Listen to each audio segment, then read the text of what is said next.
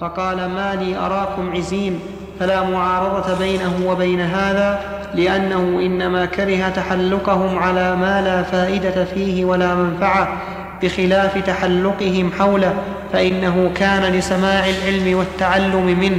قوله بينما رسول الله صلى الله عليه وسلم في المسجد زاد في العلم والناس معه وهو أصرح فيما ترجم له. قوله نعم. خلاص اقرأ الحديث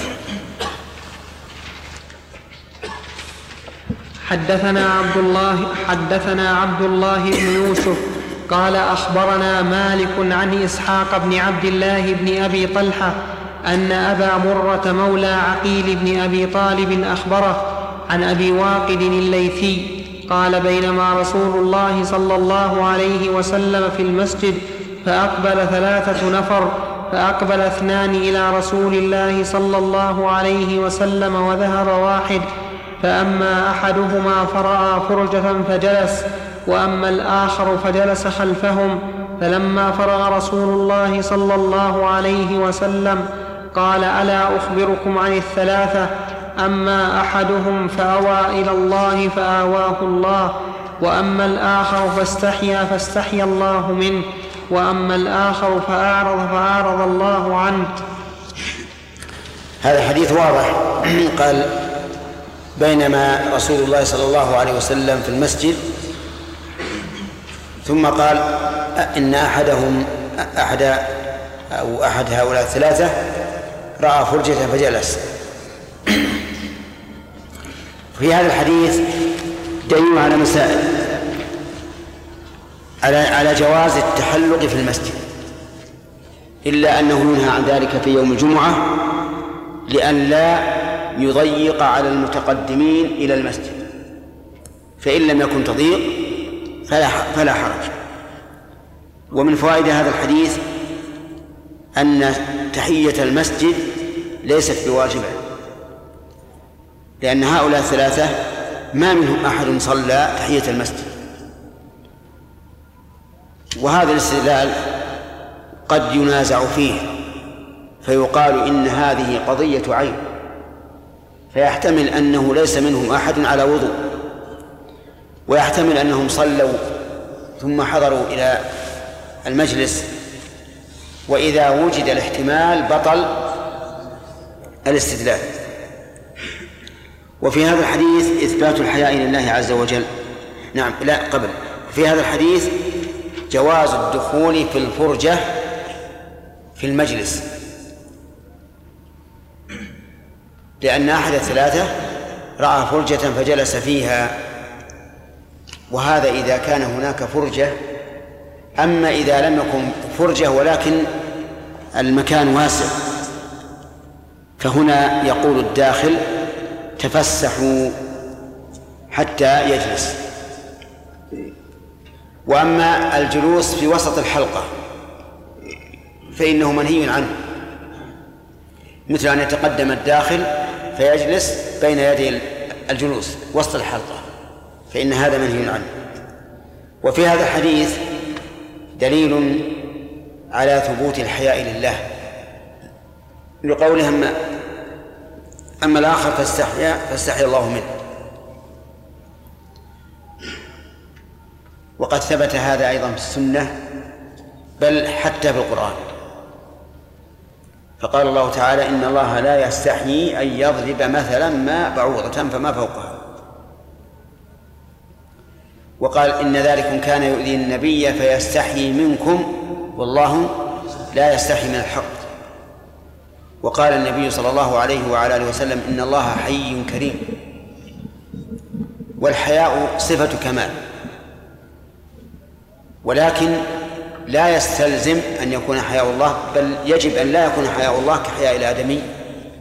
فإن الآدمي إذا اعتراه الحياء يجد من نفسه شيئا من الجبن وعدم القدرة على الكلام أو على العمل.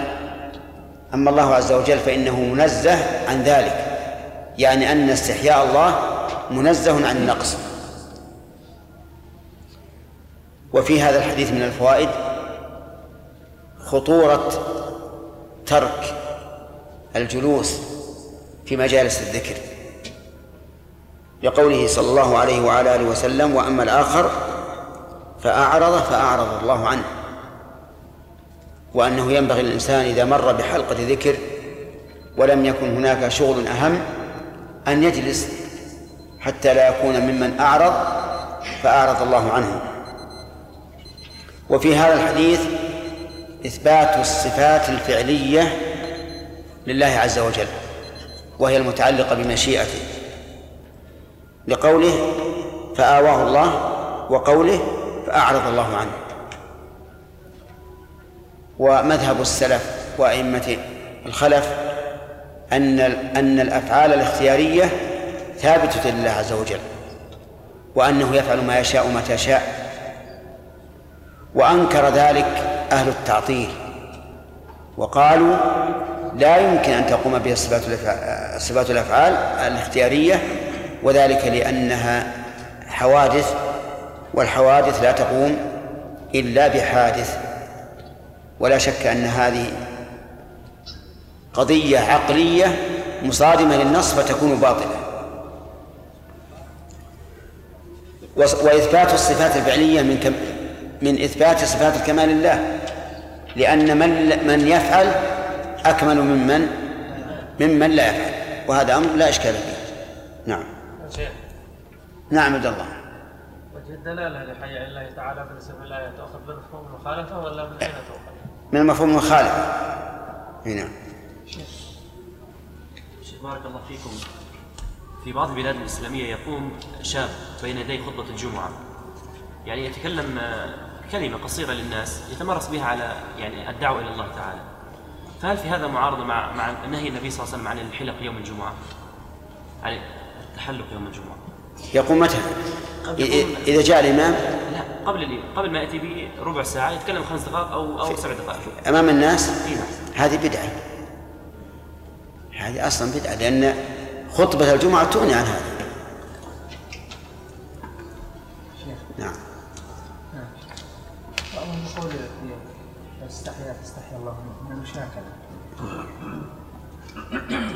بناء على أن الله لا يستحي. وهذا غلط. نعم. باب الاستلقاء في المسجد ومد الرجل. حدثنا عبد الله بن مسلمة عن مالك عن ابن شهاب عن عباد بن تميم عن عمه أنه رأى رسول الله صلى الله عليه وسلم مستلقيا في المسجد واضعا إحدى رجليه على الأخرى. وعن ابن شهاب عن سعيد بن المسيب قال كان عمر وعثمان يفعلان ذلك. وهذا من التواضع العظيم أن يكون إمام الأمة يستلقي في المسجد ويراه الناس وفيه دليل على جواز الاستلقاء على الظهر. ولا إشكال فيه إذا كان الإنسان في حال اليقظة أما في حال النوم فالأفضل أن ينام على إيش؟ الجنب الأيمن كما جاءت به السنة. شيخ. نعم. جاء عن النبي عليه الصلاة والسلام في حديث آخر أنه نهى عن وضع إحدى الرجلين على الأخرى في حال الاستلقاء. نعم. هذا إذا خاف انكشاف العورة. يحمل على ما إذا خاف انكشاف العورة. طيب لو قال قائل وضع الرجل على على الأخرى لا إشكال فيه. لكن لو أن الإنسان فرق بين رجليه في حال الاستلقاء أيهما أشد راحة؟ يختلف. نعم. اختلاف الناس. الثاني في الغالب أشد راحة. ولهذا بعض الناس يرتاح تماما إذا فرق بين رجليه وهو مستلقي وبين يديه قال هكذا. يجد راحة كبيرة. صحيح. نعم. لكن يقال كل إنسان بحسبه قد يرتاح أيضا إذا وضع إحدى رجليه على الأخرى. ثم إن وضع إحدى الرجلين على الأخرى قد يتعين إذا كان سببا لستر عورته مثل أن يكون الإزار ضيقا. فإن الإزار الضيق لو فتح رجليه انكمش إلى فوق ثم بدأ من عورته ما يبدو.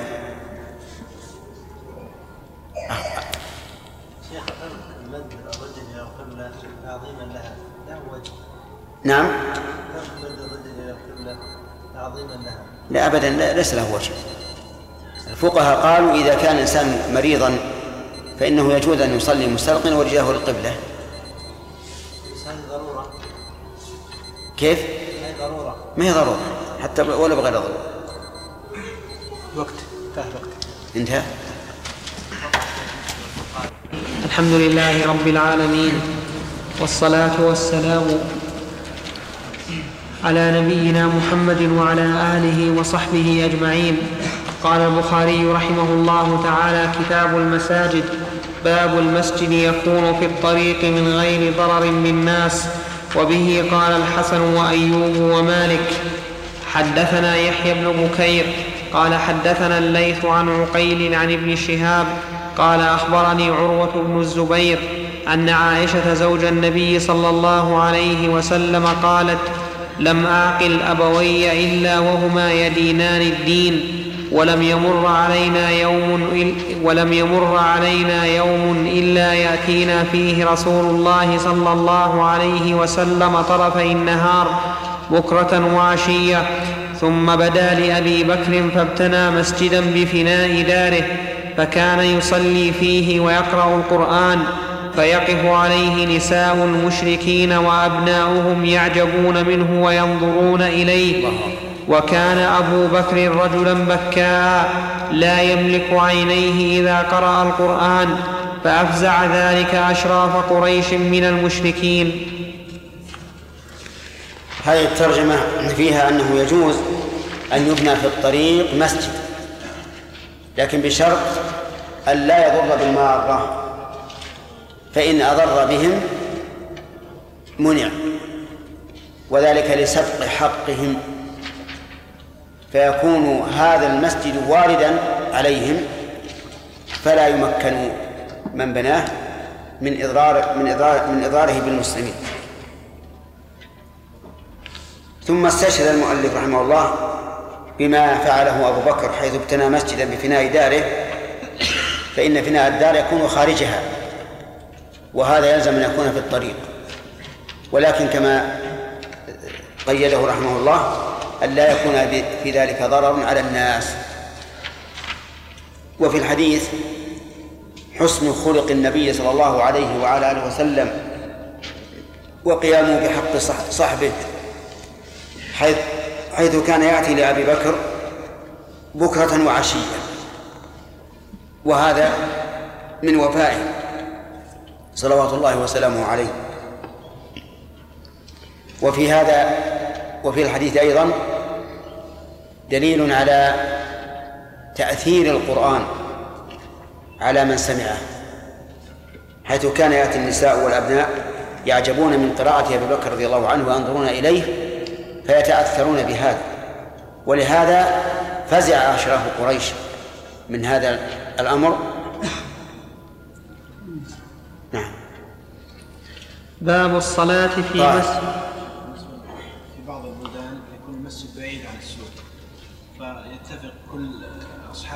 المحلات يعني خمس محلات أو عشر محلات ويجعلون مصلى أمام أحد المحلات.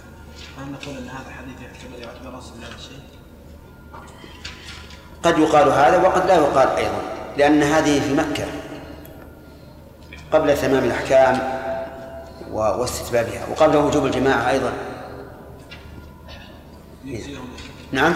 يجزيهم إذا كان المسجد بعيد. والله الظاهر يلزمهم، لكن لا بد أن يستأذنوا من من حاكم البلد. نعم. إذا كان المسجد سابقا على الطريق بمعنى أنه كان في المسجد ثم مر الطريق إذا كان سابقا فإنه يحترم ولا يهدم من أجل الطريق. نعم. هل يجوز الشيخ الإمام آه، أن يتباكى بالقرآن من أجل أن يتعظ الناس أو ما شا- شابه ذلك؟ الظاهر الظاهر أنه لا يفعل. لا يفعل. لكن إذا كان كثير البكاء فهذا طبيعة جبلة. أقصد يصطنع هذا يا شيخ. الاصطناع لا لا أراه. اصطناع البكاء لا أراه. الكلام يا شيخ الذي فابكوا فإن لم تبكوا فتباكوا هو لو صح الحديث آه، آمنا به. ليس بصحيح. نعم. باب الصلاة في مسجد السوق. وصلى ابن عون في مسجد في دار يغلق عليهم الباب. حدثنا مسدد قال حدثنا أبو معاوية عن الأعمش عن أبي صالح عن أبي هريرة عن النبي صلى الله عليه وسلم أنه قال صلاة الجميع تزيد على صلاته في بيته وصلاته في سوقه خمس نعم أعد. صلاة الجميع تزيد على صلاته في بيته وصلاته في في سوقه بيته وصلاته في سوقه. صلح.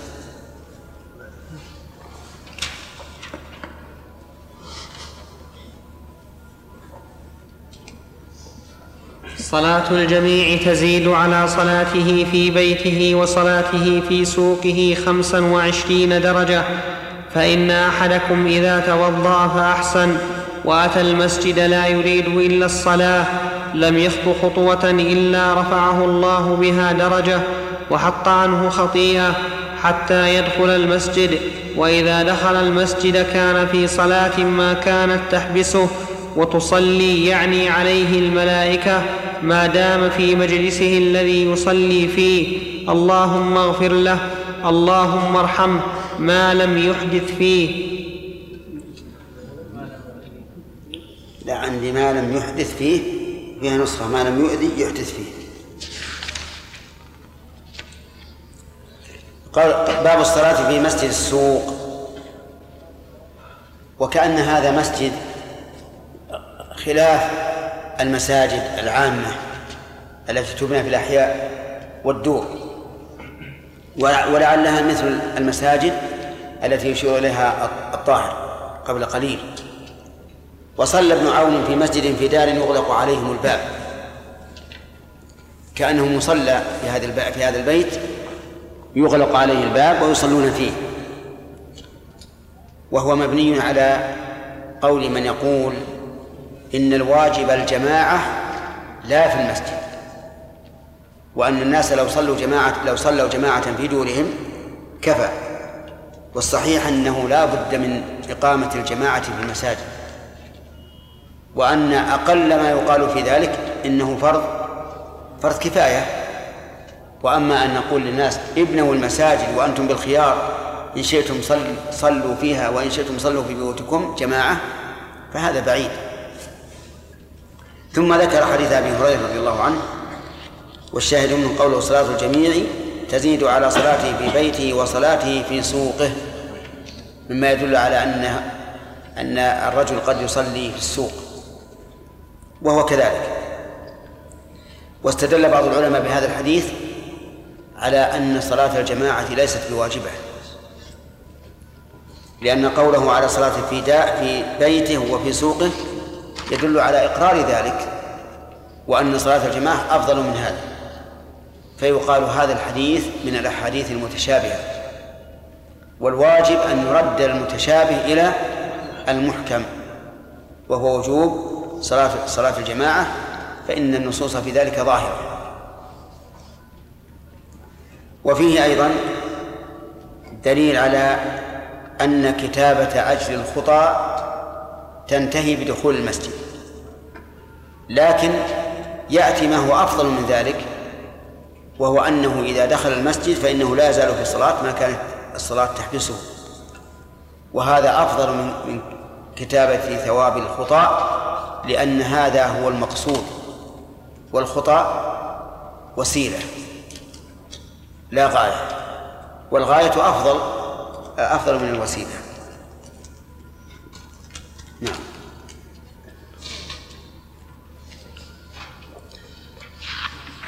خلاص. باب ت...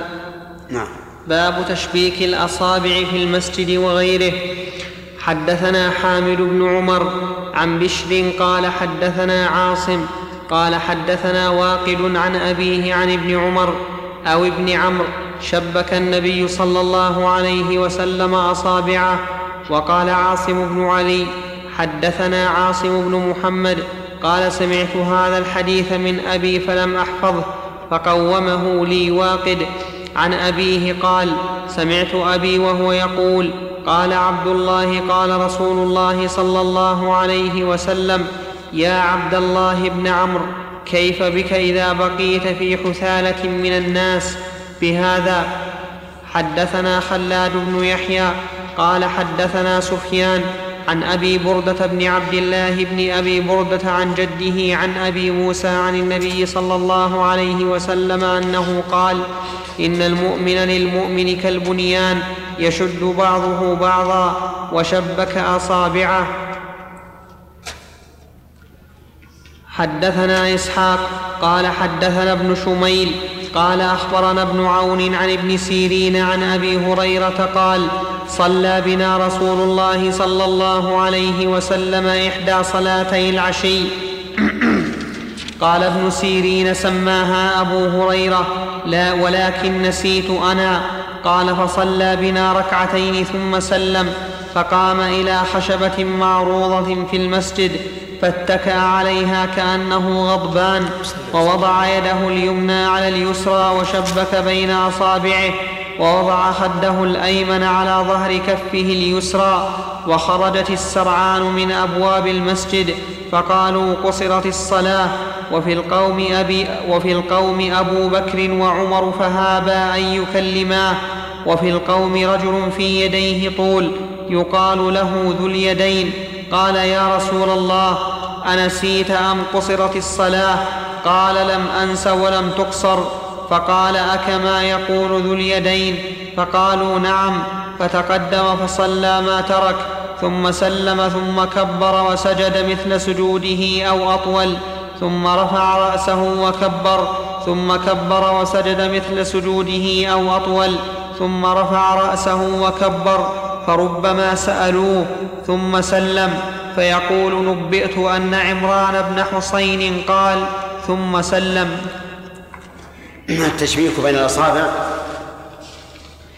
في المسجد وغيره جائز إلا أنه لمنتظر الصلاة لا ينبغي. أما بعد الصلاة فلا بأس به. ثم استشهد المؤلف رحمه الله بعدة أحاديث استدل بها لكن الحديث الثاني كيف بك إذا بقيت في حثالة من الناس؟ لا بد أن نعرف من الشرح ما وجه إيراده في هذا الباب. نعم. إيش؟ زائد. زائد. زائد زيادة زيادة شنو زيادة؟ يعني عندكم آخر حديث كيف بك إذا بقيت في حساب من الناس اي نعم. عندي وبهذا ولست في في جمع الحميدي في مسند ابن عمر شبك النبي صلى الله عليه وسلم وقال كيف أنت يا عبد الله إذا بقيت في حساب من الناس قد مرجت قد مرجت عهودهم وأنا- وأناتهم واختلفوا وصاروا. يعني صار, صار فيه زيادة. حذفها البخاري. هكذا وشبك بين أصابعه. نعم. إذا زال الإشكال ومن ذلك قوله صلى الله عليه وعلى آله وسلم إن المؤمن للمؤمن كالبنيان يشد بعضه بعضا وشبك بين أصابعه. الإنسان إذا شبك بين أصابعه صار ذلك صار لا يستطيع أحد أن يفلته. لكن لو قال هكذا بدون تشبيك نعم سهل إفلاته. التشبيك يقوي تقوي إحدى اليدين الأخرى وهكذا المؤمن المؤمن كالبنيان يشد بعضه بعضا فإذا رأيت المجتمع المسلم على هذا الوجه فهم مؤمنون. وإن رأيتهم على خلاف ذلك فليسوا بمؤمنين. مسلمون وليسوا بمؤمنين لنقص إيمانهم. مجتمعنا اليوم على هذا الوجه.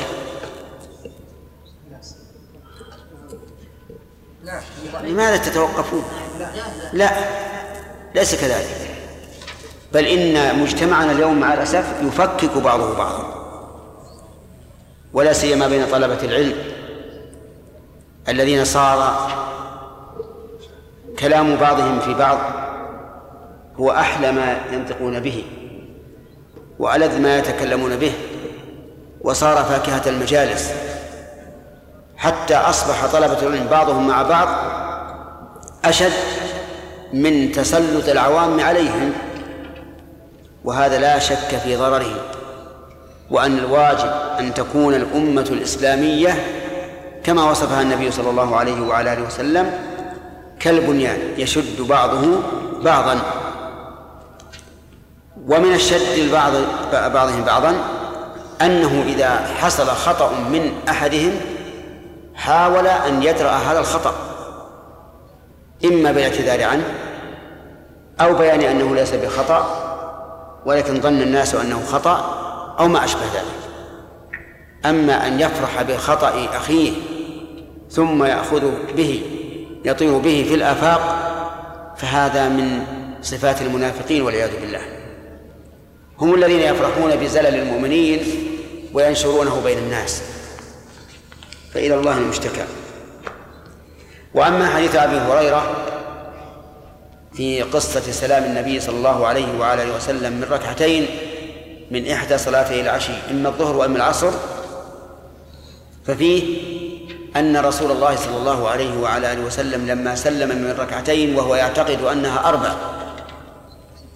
صار في نفسه انقباض انقبضت نفسه لم ينشرح صدره كالعادة لأنه قد بقي عليه شيء من العبادة فقام إلى الخشبة التي في قبل المسجد واتكى عليها وشبك بين أصابعه هكذا ثم وضع خده خده إيش؟ خده الأيمن على ظهر كفه الأيسر. هكذا. ومثل هذا منظر مرعب مزعج. أن يكون النبي صلى الله عليه وسلم بعد انتهاء بعد انتهاء صلاته التي هي قرة عينه على هذا الوضع. لكن هذه من نعمة الله على العبد. إذا أخل بشيء من العبادة ولو نسيانا أو جهلا حصل من نفسه انقباض. لأن نفسه اعتادت أن تأتي بالعبادة كاملة. هذا الانقباض سوف يفكر. لماذا؟ حتى يتبين له الخطأ. أما النبي عليه الصلاة والسلام فتبين له الخطأ من أصحابه رضي الله عنهم خرجت خرجت خرجت السرعان من أبواب المسجد فقالوا قصرت الصلاة. لأنهم ما كان يخطر ببالهم أن الرسول ينسى. قالوا قصرت. في القوم أبو بكر وعمر وهما أخص الناس به لكن هابا أن يكلماه. لأن المقام مقام عظيم وحال النبي عليه الصلاة والسلام على هذا تهيب. لكن في الرجل قوم في القوم رجل في يديه طول. وكأن النبي صلى الله عليه وعلى آله وسلم يداعبه. فاجترأ فقال يا رسول الله أنسيت أم قصرت الصلاة؟ قال لم أنس ولم تقصر. هنا ثلاث احتمالات عقلية. نسي قصرت الصلاة سلم عمدا قبل إتمامها. والثاني وإن كان جائزا عقلا لكنه إيش؟ ممتنع باعتبار حال النبي عليه الصلاة والسلام. لا يمكن أن يسلم عامدا قبل تمام الصلاة. فلما قال لم أنسى ولم تقصر لم يقل الصحابي إذا تعمدت لأن هذا شيء مستحيل. قال بلى قد نسيت. بلى قد نسيت. فلماذا أثبت النسيان مع أن النفي وقع من رسول الله صلى الله عليه وعلى آله وسلم في النفي والقصر؟ لأن القصر حكم شرعي. لا يمكن الخطأ فيه.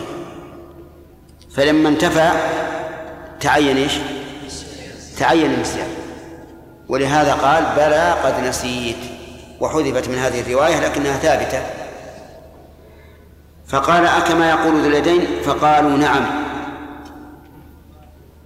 وفي بعض الألفاظ فأومأوا النعم ولا ولا منافاة. إذ يحتمل أن بعضهم أومى وبعضهم قال ويحتمل أنهم جمعوا بين القول والإشارة. يقول فتقدم فصلى ما ترك ثم سلم ثم كبر وسجد مثل سجودها وأطول ثم رفع رأسه وكبر ثم كبر وسجد مثل سجودها وأطول ثم رفع رأسه وكبر فربما سألوه ثم سلم فيقول نبئت أن عمران بن الحسين قال ثم سلم. إذا سجد بعد السلام. ووجه ذلك أن هذا السجود كان عن زيادة أو عن نقص. ما هي الزيادة؟ التسليم في أثناء الصلاة. هذه زيادة فلذلك سجد بعد السلام. وفي هذا الحديث فوائد كثيرة. منها أن من تكلم ناسيا في صلاته فصلاته صحيحة. لأن النبي صلى الله عليه وعلى آله وسلم تكلم والصحابة تكلموا. ولكن هذا قد ينازع فيه. فيقال إنهم تكلموا بناء على أن الصلاة قد انتهت. بخلاف من نسي فتكلم وهو يصلي كما لو استأذن عليه أحد فقال تفضل. هذا كلام. لكنه نسي أنه في صلاة. فصلاته حينئذ تكون صحيحة لعموم قوله تعالى ربنا لا تؤاخذنا إن نسينا أو أخطأنا. ومثل ذلك لو قال لو قيل له وهو يصلي هل حضرت الدرس الفلاني؟ قال نعم. واستفدت منه. فإن فإن صلاته لا تبطل لأنه ناسي. نعم. يستفاد الشيخ من قول من قولهم آه، آه، آه، قصرت الصلاة. أن الأصل في أن النبي صلى الله عليه وسلم التشريع. إي نعم. يستفاد من قولهم قصرت الصلاة أن الأصل في فعله التشريع. عبيد هل يؤخذ من الكلام لمصلحة الصلاة؟ لا. يعني عمدا؟ نعم كان الإمام يشكو. إي نعم. إذا سهل الإمام كما قال سبحان الله. لا يقال يا أيها الذين آمنوا اركعوا واسجدوا. ما فهم ما فهم ما فهم هذا؟ يتقدم اللي وراه ويعكف ظهره. إي نعم.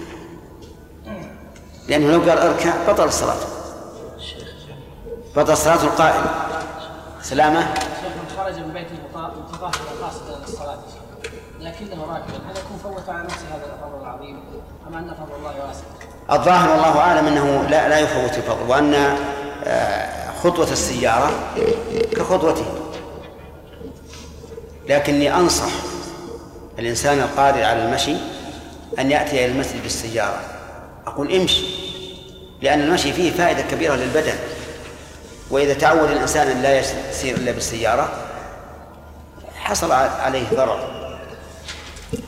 نعم. بقية الحديث يا شيخ فربما سأله نعم يا خالد. باب المساجد التي على طرق المدينة والمواضع التي صلى فيها النبي صلى الله عليه وسلم. حدثنا محمد بن أبي بكر المقدمي قال حدثنا فضيل بن سليمان قال حدثنا موسى بن عقبة قال رأيت سالم بن عبد الله يتحرى أماكن من الطريق فيصلي فيها ويحدث أن أباه كان يصلي فيها. وأنه رأى النبي صلى الله عليه وسلم يصلي في تلك الأمكنة. وهذا الذي فعله ابن عمر رضي الله عنه وعن أبيه لم يوافقه عليه الصحابة لأنهم يعلمون أن النبي صلى الله عليه وعلى آله وسلم لم يفعل ذلك ليستن به ولكنه فعله اتفاقا. وما فعل اتفاقا فإنه لا يظهر فيه إرادة التشريع. وما ذهب إليه أكثر الصحابة هو الأصح وأنه لا ينبغي تقصد هذه الأماكن لكن لمحبة ابن عمر رضي الله عنهما لاتباع السنة كان يفعل حتى هذه الأشياء التي وقعت اتفاقا. نعم.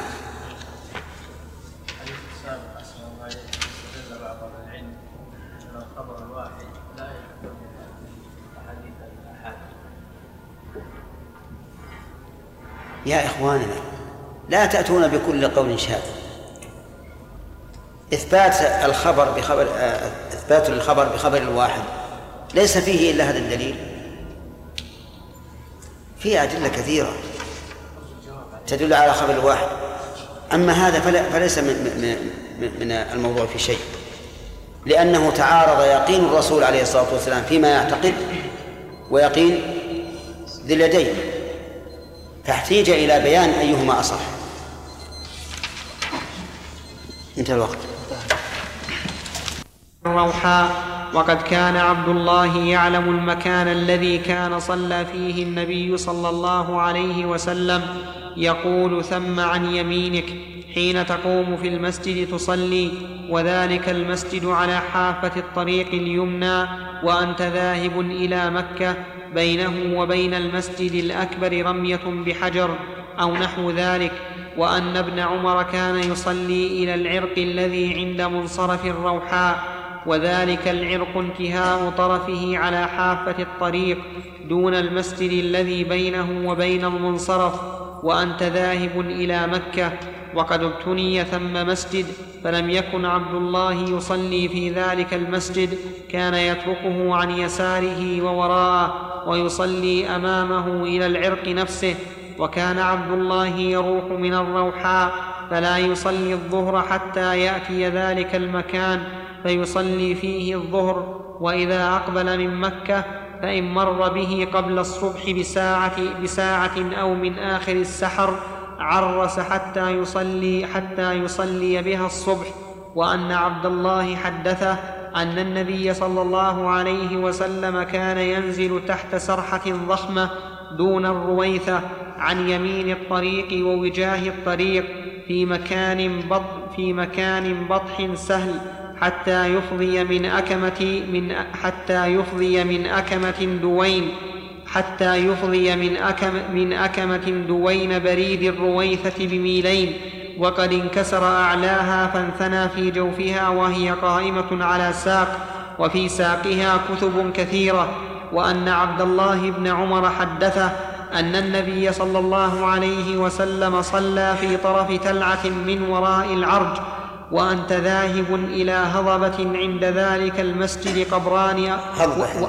بالسكون نعم. إلى هضبة نعم. بالسكون عندي إيه وأنا كذلك. وأنت ذاهب إلى هضبة عند ذلك المسجد قبران أو ثلاثة على القبور رضم من حجارة عن يمين الطريق عند عند سلمات الطريق.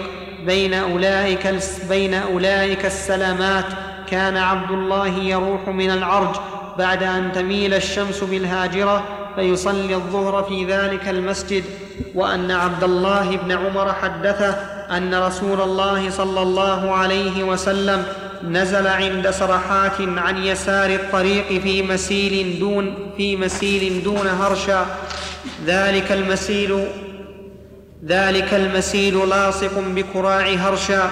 بينه وبين الطريق قريب من غلوة وكان عبد الله يصلي إلى سرحة هي أقرب السرحات إلى الطريق وهي أطولهن. وأن عبد الله بن عمر حدثه أن النبي صلى الله عليه وسلم كان ينزل في المسيل الذي في أدنى مر الظهران قبل المدينة حين يهبط من الصفراوات ينزل في بطن ذلك المسير عن يسار الطريق وأنت ذاهب إلى مكة. ليس بين منزل رسول الله صلى الله عليه وسلم وبين الطريق إلا رمية بحجر وأن عبد الله بن عمر حدثه أن النبي صلى الله عليه وسلم كان ينزل بذي طوى ويبيت حتى يصبح. يصلي الصبح حين يقدم مكة ومصلى رسول الله صلى الله عليه وسلم ذلك على أكمة غليظة ليس في المسجد الذي بني ثم ليس في المسجد الذي بني ثم ولكن أسفل من ذلك على أكمة غليظة وأن عبد الله حدثه أن النبي صلى الله عليه وسلم استقبل فرضتي الجبل استقبل فرضتي الجبل الذي بينه وبين الجبل الطويل نحو الكعبة فجعل المسجد الذي بني ثم فجعل المسجد الذي بني ثم يسار المسجد بطرف الأكمة ومصلى النبي صلى الله عليه وسلم أسفل منه على الأكمة السوداء تدع من الأكمة عشرة أذرع أو نحوها ثم تصلي مستقبل الفرضتين. ثم تصلي مستقبل الفرضتين من الجبل الذي بينك وبين الكعبة الله. عجائب هذا الطريق وهذا المسار لعبد الله بن عمر وهذا التتبع إلا أنه سبق لنا أن هذا الأصل الذي بنى عليه عبد الله بن عمر منهاجه مخالف لما كان عليه أكثر الصحابة رضي الله عنهم وذلك لأن صلاة النبي صلى الله عليه وعلى آله وسلم في هذه المواضع كانت اتفاقا ولهذا لم يشر النبي صلى الله عليه وعلى آله وسلم إلى فضيلة الصلاة فيها. فدل هذا على أنها أماكن اتفق أن تصادفه الصلاة في هذا المكان فصلى فيها. ولكن لله در الرواة ودر عبد الله بن عمر على هذا السياق. فمن الذي يتصدى يتصدى لنا ببيان. هذه ال- الأماكن ويستعين بما كتبه محمد الجاسر أو غيره. ربي يسر. اللهم افتح. كان محمد الحجوب؟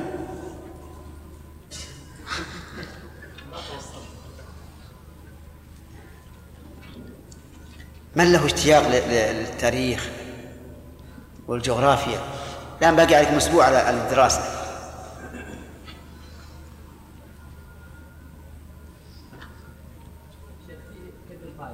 نعم. عشان نعرف هل, هل تغيرت الأسماء ولا أو لم تتغير أو هي على ما هي عليه. لأني أظن أنه سوف يذكر هذا الحديث. لأنه وصف لل- للطريق تماما. وكان الأخ محمد الشرافي يقول لا تعرض علينا هذا لأنه لا فائدة منه. نعم بس يخشى الانسان يدل الناس من يقول لما الاماكن هذه لا ابدا ولا ولا ولا ولا يطلع البال خير إن شاء الله ما دام ما ترونه. خير إن شاء الله طيب. نعم. ها؟ الشرط مشكل لا لأن لو قلنا أين تقول ما استطعت. نعم. المهم س... أنت ستجتهد أو لا؟ إذا جزاك الله خير. اتق الله ما استطعت. نعم.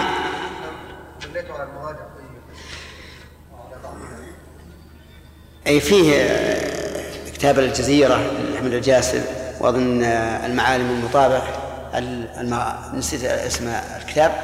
في معالم طابع على كل حال هو يبحث يبحث. نعم. معجم البلدان يمكن. ها؟ أقول معجم البلدان. ويمكن ويمكن معجم البلدان. وساعدك الأخ خالد. هذه المواضع ابن عمر يظهر انه يدفن في مساجد الأمة. إيه. هل تقف لها؟ لأنه لا يوجد مسجد إيه لأنها لا تصادف المكان الذي صلى فيه الرسول. نعم. بارك الله فيكم. في الأحاديث التي مرت ذكرنا أن الأماكن التي صلى فيها النبي صلى الله عليه وسلم وقعت اتفاقا. لكن ما ورد من أن النبي صلى الله عليه وسلم كان يبيت قبل أن يدخل مكة. نعم. يعني علله بعض العلماء أنه يعني لأنه أنشط له وأقوى لا هذا غير. هذا هذا بات هناك لأجل يغتسل ويدخل مكة نشيطا. يعني من السنة يا شيخ أن الإنسان إي نعم نعم. من السنة يفعل. لكن الآن ما هو ما هو ممكن. نعم ذكر قال فلا يصلي الظهر حتى ياتي ذلك المكان وذكر قبلها بسطر قال فلم يكن عبد الله يصلي في ذلك المسجد فهل نقول إيه. هو ما أن المسجد ما بني على المكان ال- ال- الذي صلى فيه الرسول. لكن صلاة فريضة صلاة الظهر. لكن هذا انت ألم تعلم أن هذه في الطريق؟ هذه مساجد الطرق. هي مساجد القرى تقام فيها الصلوات الخمس. أقول يعني يجوز يا شيخ في مساجد الطرق كيف؟ في مساجد الطرق. إي نعم. هل ي- يعني يجوز له إذا مر بالمسجد ان يصلي خارجه؟ إي ما في شيء شيخ أبن حجر تكلم كلاما نعم. كلام جيد يعني. ها؟ أبن حجر تكلم كلام جيد في الفتح طيب عبد الله ما يخفى هذا الشيء؟ بسيط لو يقرأ عليكم. نعم. أقول بسيط. هذا المتن مش طوله هذا كيف الشرح؟ لا لا ما إحنا بقارين الشرح كله. ها. ممكن ما إحنا بقارين. جزء بسيط منه. طيب ما في. يقول الثالث عرف من صنيع ابن عمر عرف؟ من صنيع ابن عمر. نعم. استحباب تتبع آثار النبي صلى الله عليه وسلم والتبرك بها. وقد قال البغوي في من الشافعية أن المساجد التي ثبت إن إن إن. المساجد التي ثبت أن النبي صلى الله عليه وسلم صلى فيها لو نذر أحد الصلاة في شيء منها تعين كما تتعين المساجد الثلاثة. الرابع ذكر البخاري هذا المساجد غير صحيح. هذا غير صحيح. ليست تقصد للتبرك بها حتى المساجد الثلاثة ما تقصد التبرك بها. إنما تقصد لكثرة الثواب. ثم أيضا لو نذر أحد أن يصلي في المكان الذي الذي صلى فيه الرسول عليه الصلاة والسلام لكان هذا النذر نذر ما لا يستطاع. لأن ثبوت أن النبي صلى الله عليه وسلم في الوقت الحاضر صلى في هذا المكان بعيد جدا. فإذا نذر قلنا كفر كفارة يمين وصلي حيث شئت. نعم. الرابع ذكر البخاري المساجد التي في طرق المدينة ولم يذكر المساجد التي كانت بالمدينة لأنه لم يقع له إسناد في ذلك على شرطه. وقد ذكر عمر بن شبة في أخبار المدينة المساجد والأماكن التي صلى فيها النبي صلى الله عليه وسلم بالمدينة مستوعبا وروى عن وروي عن أبي غسان ور- ور- وروى عن أبي غسان عن غير واحد من أهل العلم أن كل مسجد بالمدينة ونواحيها مبني بال- بالحجارة المنقوشة المطابقة فقد صلى فيه النبي صلى الله عليه وسلم وذلك أن عمر بن عبد العزيز حين بنى مسجد المدينة سأل الناس وهم يومئذ متوافرون عن ذلك ثم بناها بالحجارة المنقوشة المط- المطابقة. وقد عين عمر بن شبة منها شيئا كثيرا لكن أكثره في هذا الوقت قد اندثر.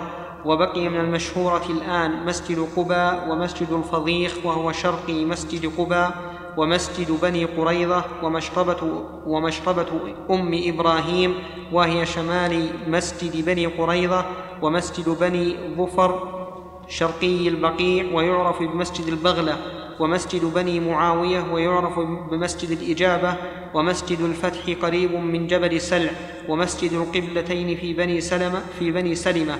هكذا أثبته بعض شيوخنا وفائدة معرفة ذلك ما تقدم عن البغوي والله أعلم.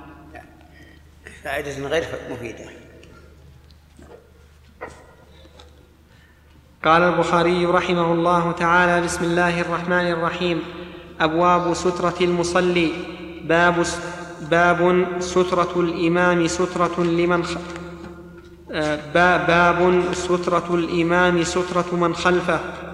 حدثنا عبد الله بن يوسف قال أخبرنا مالك عن ابن شهاب عن عبيد الله بن عبد الله بن عتبة عن عبد الله بن عباس أنه قال أقبلت راكبا على حمار أتان وأنا يومئذ قد ناهزت الاحتلام ورسول الله صلى الله عليه وسلم يصلي بالناس بمنى إلى غير جدار فمررت بين يدي بعض الصف فنزلت وأرسلت الأتان ترتع ودخلت في الصف فلم ينكر ذلك علي أحد.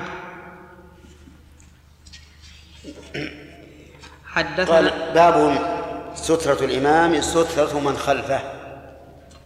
واستدل بحديث عبد الله بن عباس. ووجه الاستدلال منه أنه قال مررت بين يدي بعض الصف فنزلت وأرسلت الأتان ترتع وهذا يدل على أن سترة الإمام سترة من خلفه وإلا لحرم أن يمر بين يدي بعض الصف.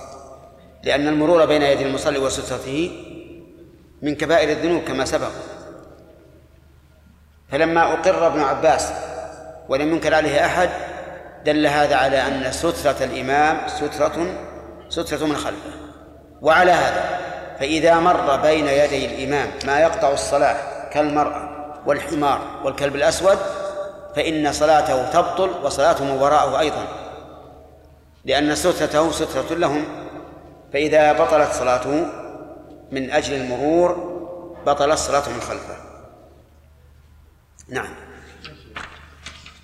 قول الحديث النبي صلى الله عليه وسلم صلى إلى غير الجدار نعم. ثم تقول الإمام البخاري أن سترة الإمام سترة من خلفه ليس للنبي صلى الله عليه وسلم سترة في الصلاة. كما نص على ذلك؟ الحديث إيش؟ ليس؟ ليس للنبي صلى الله عليه وسلم سترة. نص الحديث أنه صلى بمنى إلى غير الجدار. أي نعم. لا يقولون ه... ه... يقول هؤلاء إن نفي الجدار لا يقتضي نفي السترة إذ قد يكون مستترا بالعنزة. نعم يا سليم. مثلا كلام البخاري قال سترة الإمام سترة الإمام خلفه كأنه يشير أن أن الرسول صلى الله عليه وسلم له سترة في الوقت الحاضر. أي نعم. نعم كانوا يرى أن قوله إلى غير الجدار لا يمنع أن يكون له سترة أخرى نعم نعم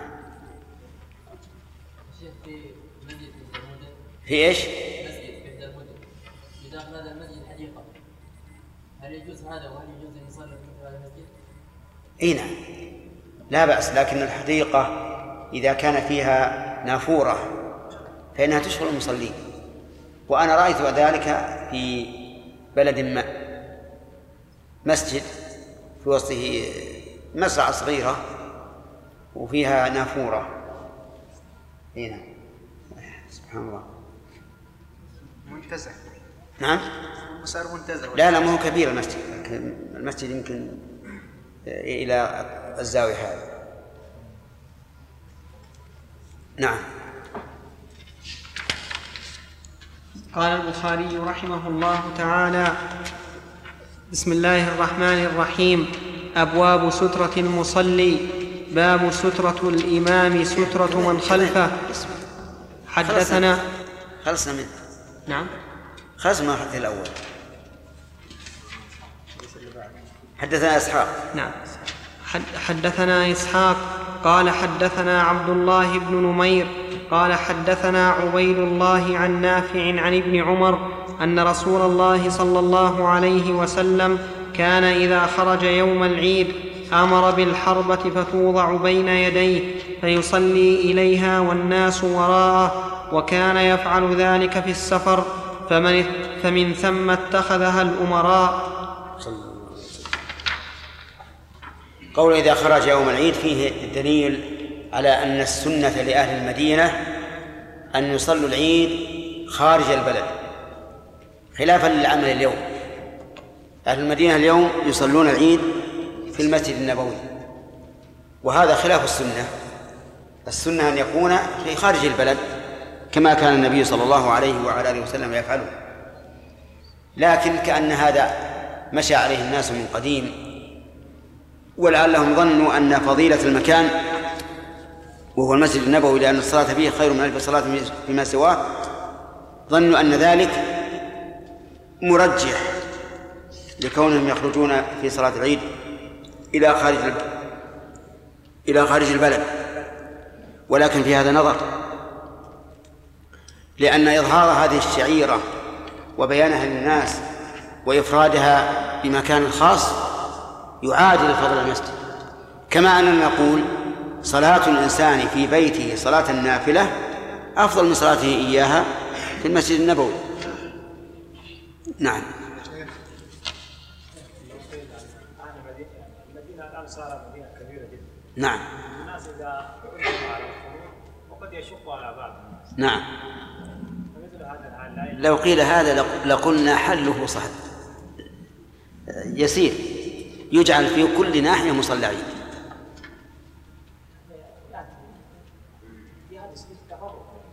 إيش؟ تبرك تفرق. يعني ضرورة تبرك ضرورة للبعد. حتى اجتماع الناس أيضا في مسجد واحد فيه مشقة.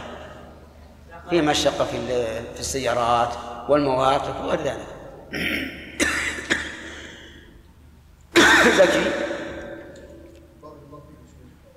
بالنسبة لقطع صلاة الإمام بالنسبة قطع صلاة الإمام لمرور ما يقطع صلاته نعم يقطع صلاة المأمومين يا شيخ يعني قوله عليه الصلاة والسلام يصلون لكم فإن أحسنوا فلهم ولكم. نعم. وإن أساءوا فعليهم ولكم. نعم. ما يمنع هذا. لا يعارض ما قلنا.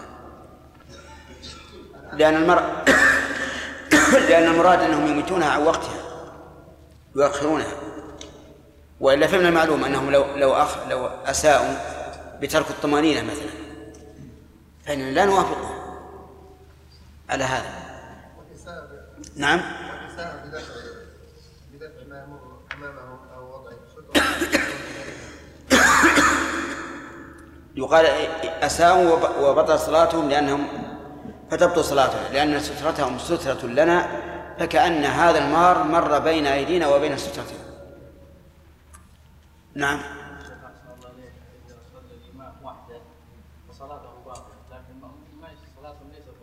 أي. نعم. نعم نعم. باطلة نعم. لا قلنا في هذا لأن سترة الإمام سترة من خلفه وليس وضوء الإمام وضوء من خلفه. نعم. انتهى الوقت. نعم. انتهى الوقت. يعني سمعت ولا لا؟ طيب. قال ما هو يعني؟ سمعت ولا لا؟ طيب. يقول هل يؤجر الإنسان إذا أكل الذيب شاته كذا؟ أي نعم يؤجر. في كل ذات كبد حر أجر. نعم لا, لا لكن على كل حال ما حد مقدم غنمه لل- للذيب. لكن إذا كان الذيب اعتدى وأكل. نعم. هل يؤخذ الحديث امتحان عقيدة؟ لا لا أبدا ولا يجوز هذا لكن هذا لسبب نعم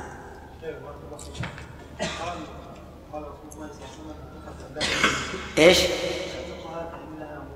نعم؟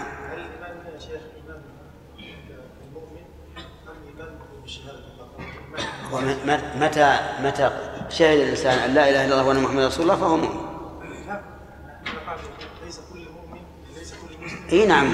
ما لم ما, ما لم يوجد ما يناقض ذلك. نعم. وافق إيش؟ إي نعم. إذا خط انسان مثلا ووافق خطه الصواب يعني وافق الواقع. حتى سوف ياتي نقول عملك الرسول صلى الله عليه وسلم يقول كان نبي يخط فمن وافق خطه فذاك بس. أي نعم والمحرم نعم. عبيد نحن حال شيخ ها؟ إيش؟ لا التنحنح ليس ليس كلام. ولهذا قال علي بن أبي طالب كان لي مدخلان من رسول الله صلى الله عليه وعلى آله وسلم فإذا دخلت عليه وهو يصلي تنحنح علي يا شيخ إذا قرأ المصلي في صلاته مثلا صوت الأعلى فقرأ سبحان سبح اسم ربك الأعلى هل يسبح ويقول لا. في الفريضة ما نقل عن الرسول عليه الصلاة والسلام. لكن في النفل كان إذا مر بآية التسبيح سبح. الضابط في صلاة غير المسلم مع المسلمين. يعني بعض العمال هم مسلمين يا شيخ ربي يصلون تحرك معهم. أي لكن ما ما أدري ما, ما أدري أن هذه يدخل في الإيمان. لا لا. لا هذا ما عامل. لكن إذا صلى قصده التعبد الله بهذا. هل؟ نعم. صحيح. كأنه لما لما ثبت عن النبي عليه الصلاة والسلام أنه التشهد يفترش ويتورك. وأن التشهد يحتاج إلى يعني إلى طول إلى طول مكث. والإيقاع يتعب الرجل يتعب الرجل وربما يتعب العجيز أيضا. حملوه على ذلك. استمر السؤال نعم. لا سمح تستمر هذا آخر سؤال عند ابن داود. شيخ قبل ثلاثة أشهر حصل لي التقيت بالكفار إيش؟ التقيت بالكفار من قاله؟ أنا أنا. أي. فقلت لهم مسلمون قالوا لا. فإيش هو الإسلام؟ قلت الإسلام تقول لا إله إلا الله ومحمد رسول الله. قال هكذا قال هذه الكلمة. ها؟ قال هذه الكلمة يعني قال لا إله إلا الله محمد رسول الله. يعني ها. شهد لا إله إلا الله. ها؟ ثم قلت لهم يعني اذهبوا إلى المسجد وخلي يعلمكم الصلاة. وهذا. فقال لا أنتم تعالوا. يعني يريد الرجل هذا معه أربعة. يريد أن نأتي نحن. إلى أن تأتون إلى إليه هو في كنيسته نأتي إليه في عمله. نعلم الإسلام ها ونطقها امامي أنا ما رجعت إليه. وكلمت بس كلمت أصحاب المسجد. قالوا لا يعني لا يخلى بي- لا يخلى بيننا وبينهم. أن نكلمهم ونعلمهم. المهم على أي حال؟ إذا ماتوا هؤلاء على هذا الحال. قد تنفعهم؟ إن الله. ربما تنفعهم إذا إذا لم يعلموا عن عما سواه هذا الظاهر ما يعلمون. طيب.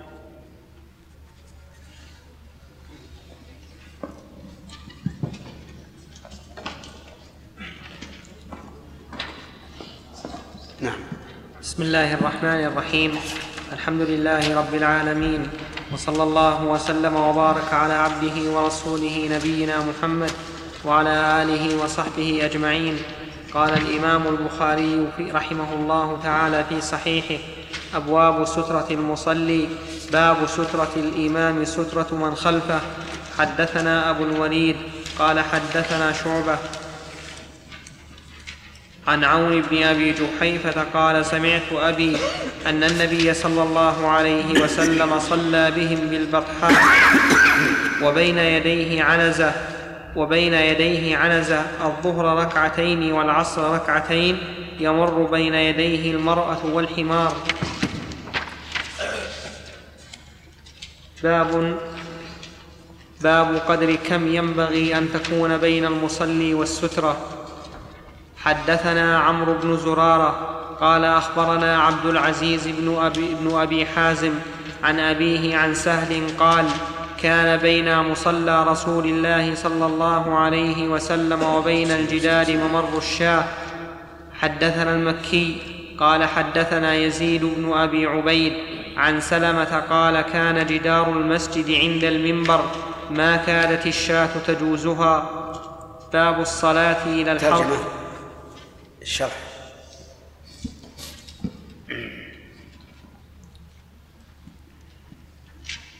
قال الحافظ قال الحافظ رحمه الله قوله باب قدر كم ينبغي أن يكون بين المصلي والسترة أي من ذراع ونحوه والمصلي بكسر اللام على أنه اسم فاعل ويحتمل أي أن يكون بفتح اللام أي المكان الذي يصلى فيه.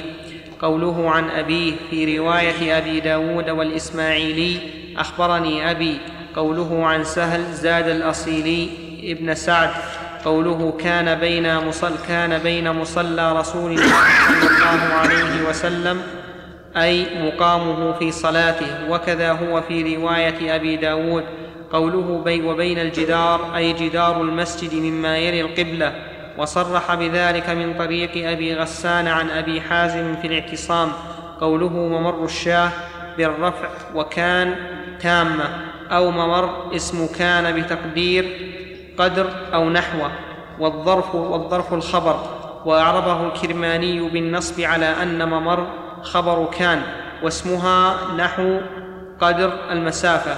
قال والسياق يدل عليه. قوله عن سلمة يعني ابن الأكوع وهذا ثاني ثلاثيات البخاري. قوله كان جدار المسجد كذا وقع في رواية مكي ورواه الإسماعيلي من طريق أبي عاصم عن يزيد بلفظ كان المنبر على عهد رسول الله صلى الله عليه وسلم. ليس بينه وبين حائط القبلة إلا قدر ما تمر العنزة. أو العنزة. العنزة العنزة. فتبين بهذا السياق أن الحديث مرفوع. قوله تجوزها ولبعضهم أن تجوزها أي المسافة وهي ما بين المنبر والجدار. فإن قيل من أين يطابق الترجمة؟ أجاب الكرماني فقال من حيث إنه صلى الله عليه وسلم كان يقوم بجنب المنبر أي, وي أي ولم يكن لمسجده محراب. فتكون مسافة ما بينه وبين الجدار نظير ما بين المنبر والجدار فكأنه قال والذي ينبغي أن يكون بين المصلي وسترته قدر ما كان. والذي ينبغي أن يكون بين المصلي وسترته آه، قدر ما كان بين منبره وجد وجدا وجدار القبلة. وأوضح من ذلك ما ذكره ابن رشيد أن البخاري أشار بهذه الترجمة إلى حديث سهل بن سعد الذي تقدم في باب الصلاة على المنبر والخشب فإن فيه أنه صلى الله فإن فيه أنه صلى الله عليه وسلم قال قام على المنبر حين عمل فصلى عليه فاقتضى ذلك أن ذكر المنبر يؤخذ منه موضع, موضع قيام المصلي. فإن قيل إن في ذلك الحديث أنه لم يسجد على المنبر وإنما نزل فسجد في أصله وبين أصل المنبر وبين الجدار أكثر من ممر الشاه. أجيب بأن أكثر أجزاء الصلاة قد حصل في أعلى المنبر وإنما نزل عن المنبر لأن الدرجة لم تتسع لقدر سجوده فحصل بذلك المقصود. وأيضا فإنه لما سجد في أصل المنبر صارت الدرجة التي فوقه سترة له وهو قدر ما تقدم.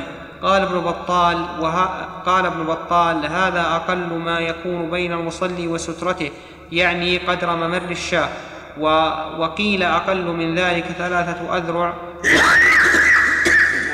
وقيل أقل ذلك ثلاثة أذرع. لحديث بلال أن النبي صلى الله عليه وسلم صلى في الكعبة وبينه وبين الجدار ثلاثة أذرع كما سيأتي قريبا بعد خمسة أبواب. وجمع الداودي بأن أقله ممر الشاه وأكثره ثلاثة أذرع. وجمع, بعض وجمع بعضهم بأن الأول في حال القيام والقعود والثاني في حال الركوع والسجود. وقال ابن الصلاح قدروا ممر الشاة بثلاثة أذرع. نعم قدروا ممر الشاة بثلاثة أذرع. قلت ولا يخفى ما فيه. وقال البغوي هذا واضح. تضع سيارة. هنا ولا يخفى ما فيه. صحيح ما يخفى. وقال لا يخفى ما فيه. ما يمكن يكون ممر الشاة ثلاثة أذرع نعم. وقال البغوي استحب أهل العلم الدنو من السترة بحيث يكون بينه وبينها آه، قدر إمكان السجود وكذلك بين الصفوف. وقد ورد الأمر بالدنو منها وفيه بيان الحكمة من ذلك. وهو ما رواه أبو داود وغيره من حديث سهل بن أبي حثمة مرفوعا إذا صلى أحدكم إلى إلى سترة فليدن منها لا يقطع الشيطان عليه صلاته. الظاهر لي والله أعلم أن ممر الشاة فيما بينه وبين مسجده. وإن كان في بعض الألفاظ التي ذكر الشارح من مقامه. لأن لأن ممر الشاة لو قلنا بين مقامه وبين الجدار ممر الشاة لم يتمكن من السجود. لأن ممر الشاة إذا قدرنا من القدم لا يتجاوز نصف ذراع. وهذا لا يمكن أن تقع فيه السجود أن يقع فيه السجود. فالظاهر لي أن أن أن تقديرهم بممر الشاة يعني منتهى سجوده بينه وبين السترة قدر ممر الشاة نعم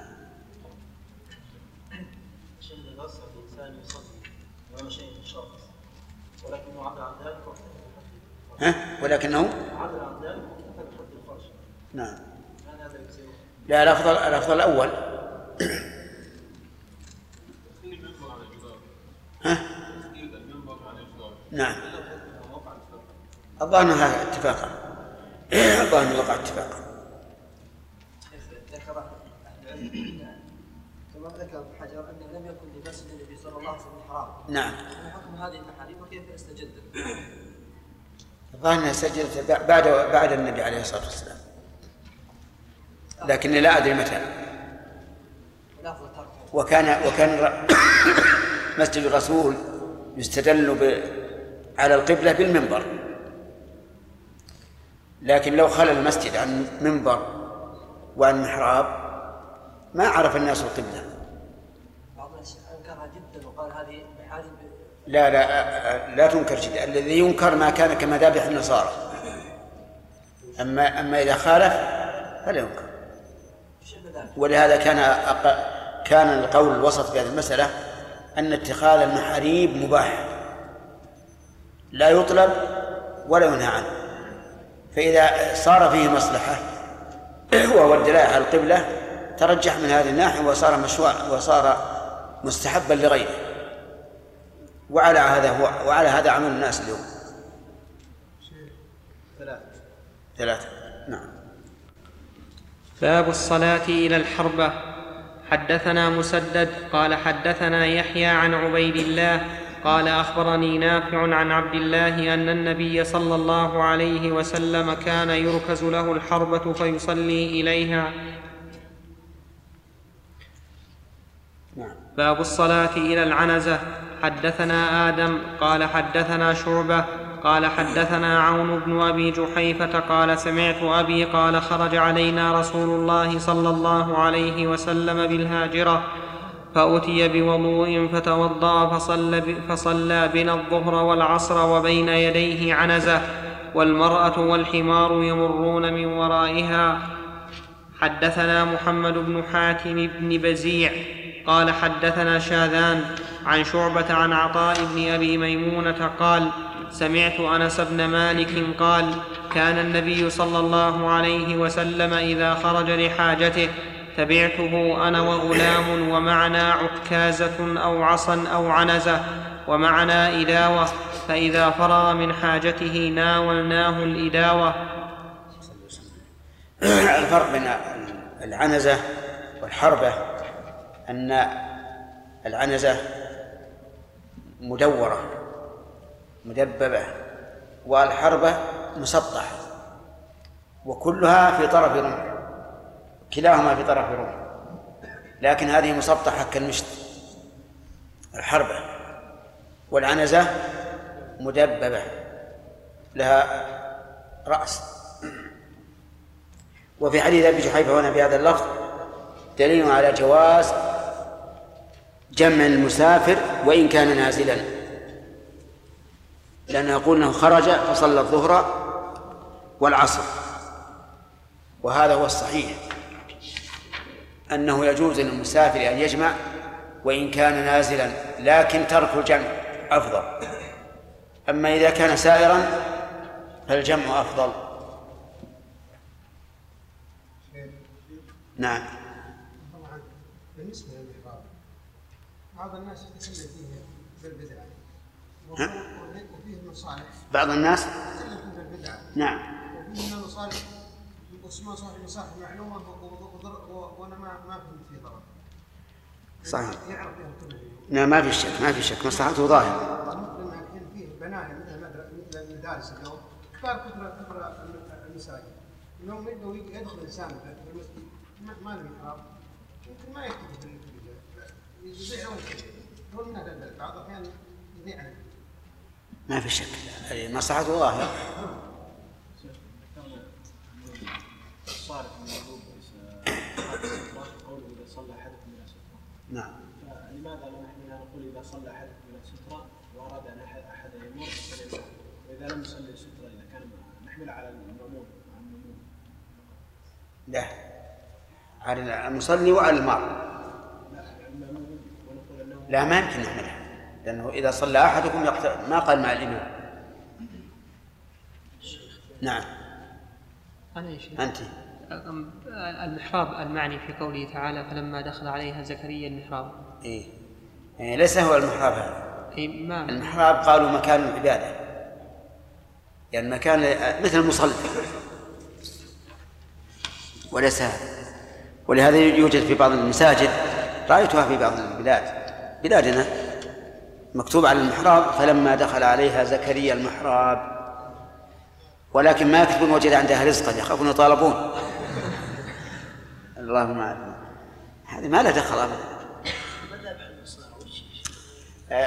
أشكالها على الشكل. محاريب لها شكل معين. ولهذا لم لم ينهى عن المذابح مطلقا. مذابح كمذابح النصارى. وفي الحقيقة ان إن المحراب لا بد منه في وقتنا لكثرة الجهل وعدم المعرفة. وقد حكى لي شخص من الناس أن مسجدا من المساجد أخطأ فيه الفراش وكان كانت الفرش في الأول سجاجيد وفي فيها محاريب. صورة مق- مقوسة. يقول فأخطأ الفراش فجعل هذه الفرش محاريبها نحو عكس القبلة. يقول فدخل رجل فوجد المحاريب هكذا فصلى وجعل القبلة وراءه. فالمحراب لا بد منه في الوقت الحاضر.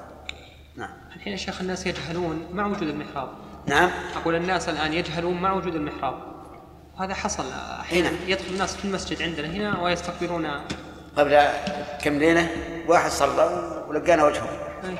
والقبلة عن يمين صحيح. نعم. هذه وسائل بارك الله فيك من عبادة. أي ولو قالوا هم يقولون هذه الخطوط بدعة لا.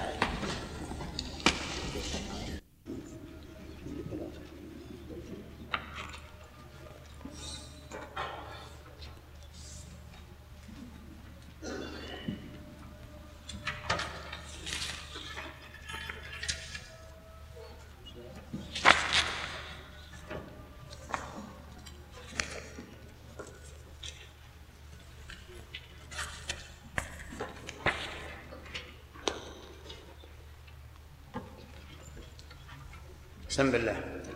بسم الله والصلاة والسلام على رسول الله. صلى الله عليه وسلم. قال البخاري رحمه الله تعالى باب السترة بمكة وغيرها.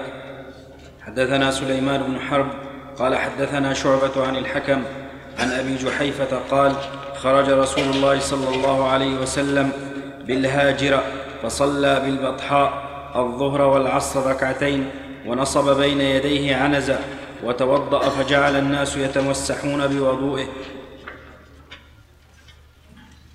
قول باب السترة بمكة وغيرها يشير رحمه الله إلى رد قول من يقول إن مكة لا تحتاج إلى سترة وإنه لا ت... وإنها وإنه لا تقطع صلاة المرء المرأة والكلب الأسود والحمار إذا كان ذلك في مكة. والصحيح أن مكة وغيرها سواء في اتخاذ السترة وفي بطلان الصلاة بما يبطل مروره الصلاة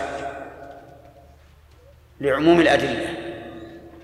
وليس هناك ما يخصص هذه الأدلة إلا مسألة واحدة وهي إذا قام الإنسان يصلي في في في مكان الطائفين فإنه في هذه الحال لا حرمة له.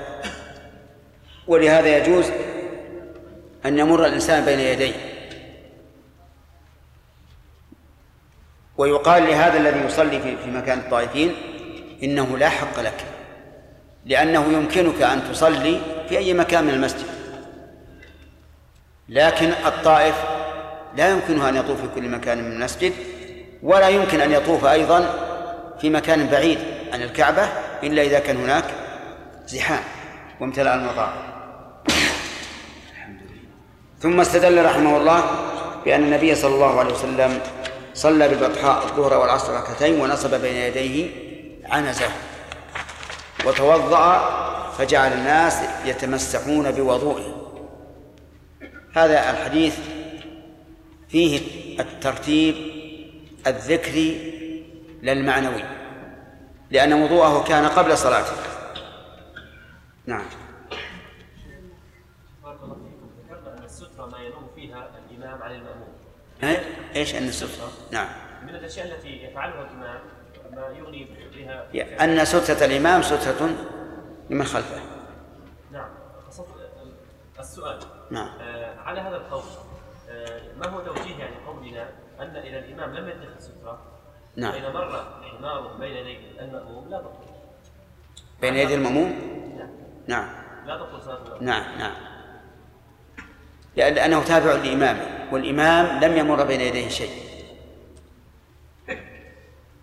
سليم. والله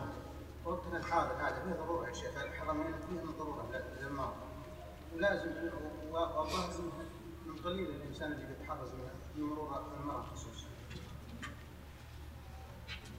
ما ما الإنسان إذا أبعد يا سليم نحن جربنا. إذا أبعد الإنسان سلم من ذلك. أما اللي بيأتي مثلا في زمرة الناس فإن الناس سوف يخرجون ويتعدونه ويتجاوزونه. الحمد لله صل محل ثاني. النفل صل محل ثاني. والفريضة ما لا يضرك ما مر, ما مر بين يديك. نعم. باب الصلاة إلى الأسطوانة. وقال عمر المصلون أحق بالسواري من المتحدثين إليها. ورأى عمر رجلا يصلي بين أسطوانتين فأدناه إلى سارية فقال صل إليها. حدثنا المكي بن إبراهيم قال حدثنا يزيد بن أبي عبيد قال كنت آتي مع سلمة بن الأكوع فيصلي عند الأسطوانة التي عند المصحف فقلت يا أبا مسلم أراك تتحرى الصلاة عند هذه الأسطوانة؟ قال فإني رأيت النبي صلى الله عليه وسلم يتحرى الصلاة عندها. شرح الحديث قوله باب الصلاة إلى الأسطوانة أي السارية وهي بضم الهمزة وسكون السين المهملة وضم الطاء بوزن أفعوان على المشهور وقيل بوزن فعلوان والغالب أنها تكون من بناء بخلاف العمود فإنه من حجر واحد. قال ابن بطال لما تقدم أنه صلى الله عليه وسلم كان يصلي إلى الحربة كانت الصلاة إلى الأسطوانة أولى لأنها أشد سترة. قلت لكن أفاد ذكر ذلك التنصيص على وقوعه والنص أعلى من الفحوى. قوله وقال عمر هذا التعليق وصله ابن أبي شيبة والحميدي من طريق من طريق همدان وهو بفتح الهاء وسكون الميم وبالدال المهملة. وكان بريد عمر أي رسوله إلى أهل اليمن عن عمر به وجه الأحقية أنهما مشتركان في الحاجة إلى السارية المتخذ المتخذه هكذا يا شيخ. نعم. إلى الاستناد إلى الاستناد والمصلى لجعلها سترة. لكن لكن المصلي في عبادة لكن المصلي في عبادة محققة فكان أحق. قوله وراى ابن عمر كذا ثبت في رواية أبي ذر والأصيل وغيرهما وعند بعض الرواة وراى عمر بحذف ابن وهو أشبه بالصواب فقد رواه ابن أبي شيبة من طريق معاوية بن قرة ابن إياس المزني عن أبيه وله صحبة قال رآني عمر وأنا أصلي فذكر مثله سواء لكن زاد فأخذ بقفاي. وعرف بذلك تسمية المبهم المذكور في التعليق وأراد عمر بذلك أن تكون صلاته إلى سترة إلى سترة وأراد البخاري بإيراد أثر عمر هذا أن المراد بقول سلمة يتحرى الصلاة عندها أي إليها. وكذا قول أنس يبتدرون السواري أي يصلون إليها.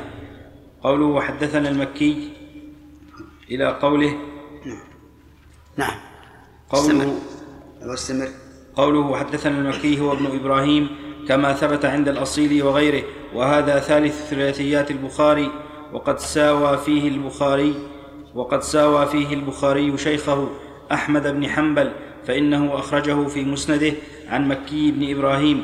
قوله التي عند المصحف هذا دال على أنه كان للمصحف موضع خاص موضع خاص به ووقع عند مسلم بلفظ يصلي وراء الصندوق وكأنه كان للمصحف صندوق يوضع فيه والأسطوانة المذكورة حقق لنا بعض مشايخ بعض مشايخنا أنها المتوسطة في الروضة المكرمة وأنها تعرف بأسطوانة المهاجرين قال ورو- وروي عن عائشة أنها كانت تقول لو عرفها الناس لاضطربوا عليها بالسهام وأنها وشلون؟ و... قال وروي عن عائشة أنها كانت تقول لو عرفها الناس لاضطربوا عليها بالسهام وأنها أسرتها إلى ابن الزبير فكال فكال يا شيخ كاد؟ فكال. كان. فكان.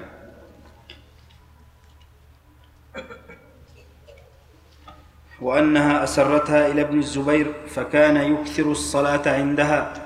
ثم وجدت ذلك في تاريخ المدينة لابن النجار وزاد إن المهاجرين من قريش كانوا يجتمعون عندها وذكره قبله محمد بن الحسن في أخبار المدينة. قوله يا أبا مسلم هي كنية سلمة ويتحرى أن يقصد. المتن.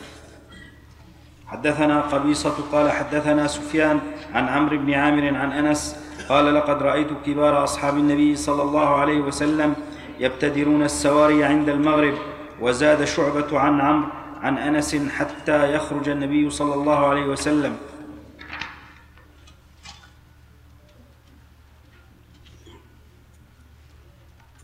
نعم. في إشكال هذا؟ واضح. وفيه دليل على وفيه دليل على أنهم يصلون قبل صلاة المغرب ويصلون إلى السواري. وهذا امتثال لأمر النبي صلى الله عليه وعلى آله وسلم حيث كان يقول صلوا قبل المغرب. ويقول في الثالثة لمن شاء لئلا يتخذها الناس سنة راتبة. وفيه دليل على أن المغرب لا تصلى من حين الغروب. بل السنة أن يكون هناك فرق. فيكون قوله في الحديث والمغرب إذا وجبت أي إذا غابت ولا يلزم من ذلك أن يكون بمجرد الغيبوبة يصلي. نعم. عبد الله. انه اذا كان الانسان تحت الستره ثم كانت الستره وكان امامه جدار يقدر ان يقرا نعم تفضل بالنسبة لقول ابن الزبير كان يبدا الصلاه عنده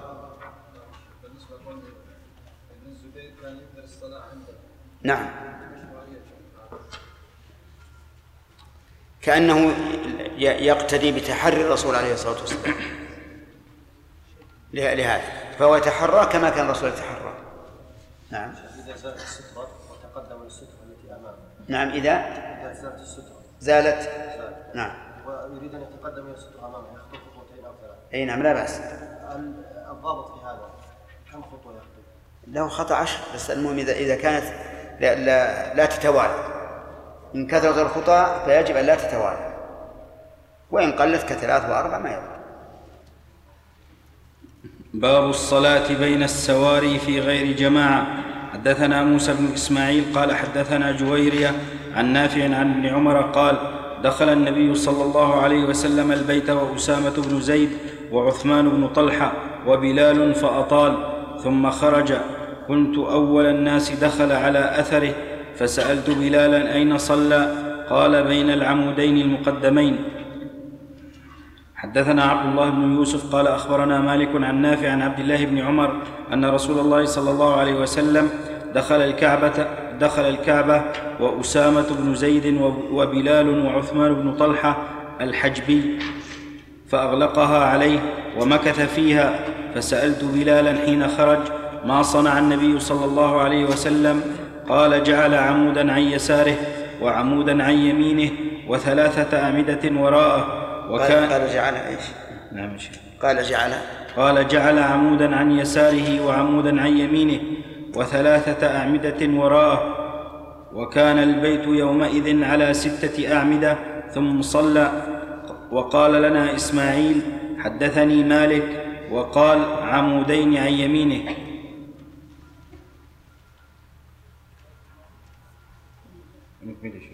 وقول البخاري رحمه الله في في غير جماعة أما في الجماعة فلا يصلى بين السواري إلا عند الحاجة. إذا كانت إذا كان الصف أكثر مما بين الساريتين. أما إذا كان دون ما بين الساريتين فلا بأس. وكذلك لو كان هناك حاجة كضيق المسجد. والحاصل أن السواء أن الصلاة بين السواري إن كانت من منفرد فلا بأس بها. إن كانت من جماعة لا لا يزيد صفهم على ما بين الساريتين فلا بأس بها. إن كان في جماعة يزيد الصف على ما بين الساريتين فإنه مكروه إلا إذا كان لحاجة وإنما كره في هذه الحال لأن السارية تفصل بين الصف فتقطع الصف فلذلك كره حتى كان الصحابة يضربون على ذلك. نعم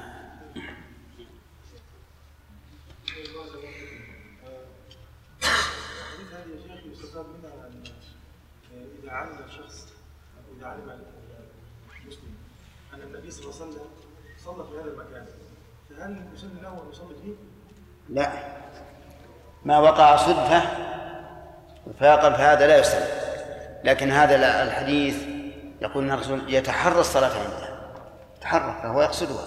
إذا علمنا يا شيخ أن النبي صلى الله عليه وسلم فعلا بالأحاديث والدلائل أن النبي صلى الله عليه وسلم صلى في ولو ما ما يستلم الصلاة فيه. تقييد بعض العلماء السلبية التي تقطع الصف نعم.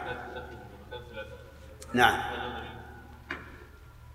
ظاهر الحديث أنه لا, لا, دليل على ذلك. والغالب أن السواري في عهد الرسول عليه الصلاة والسلام ليست واسعة كبيرة. عندك الشرح؟ من الترجمة. قول قوله باب الصلاة بين السواري في غير جماعة. إنما قيدها بغير الجماعة لأن ذلك يقطع الصفوف وتسوية الصفوف في الجماعة مطلوب. وقال الرافعي في شرح المسند احتج البخاري بهذا الحديث أي حديث ابن عمر عن بلال على أنه لا بأس بالصلاة بين الساريتين إذا لم يكن في جماعة وأشار إلى أن الأولى للمنفرد للمنفرد أن يصلي إلى السارية ومع هذه الأولوية فلا كراهة في الوقوف بينهما أي للمنفرد. وأما في الجماعة فالوقوف بين الساريتين كالصلاة إلى السارية.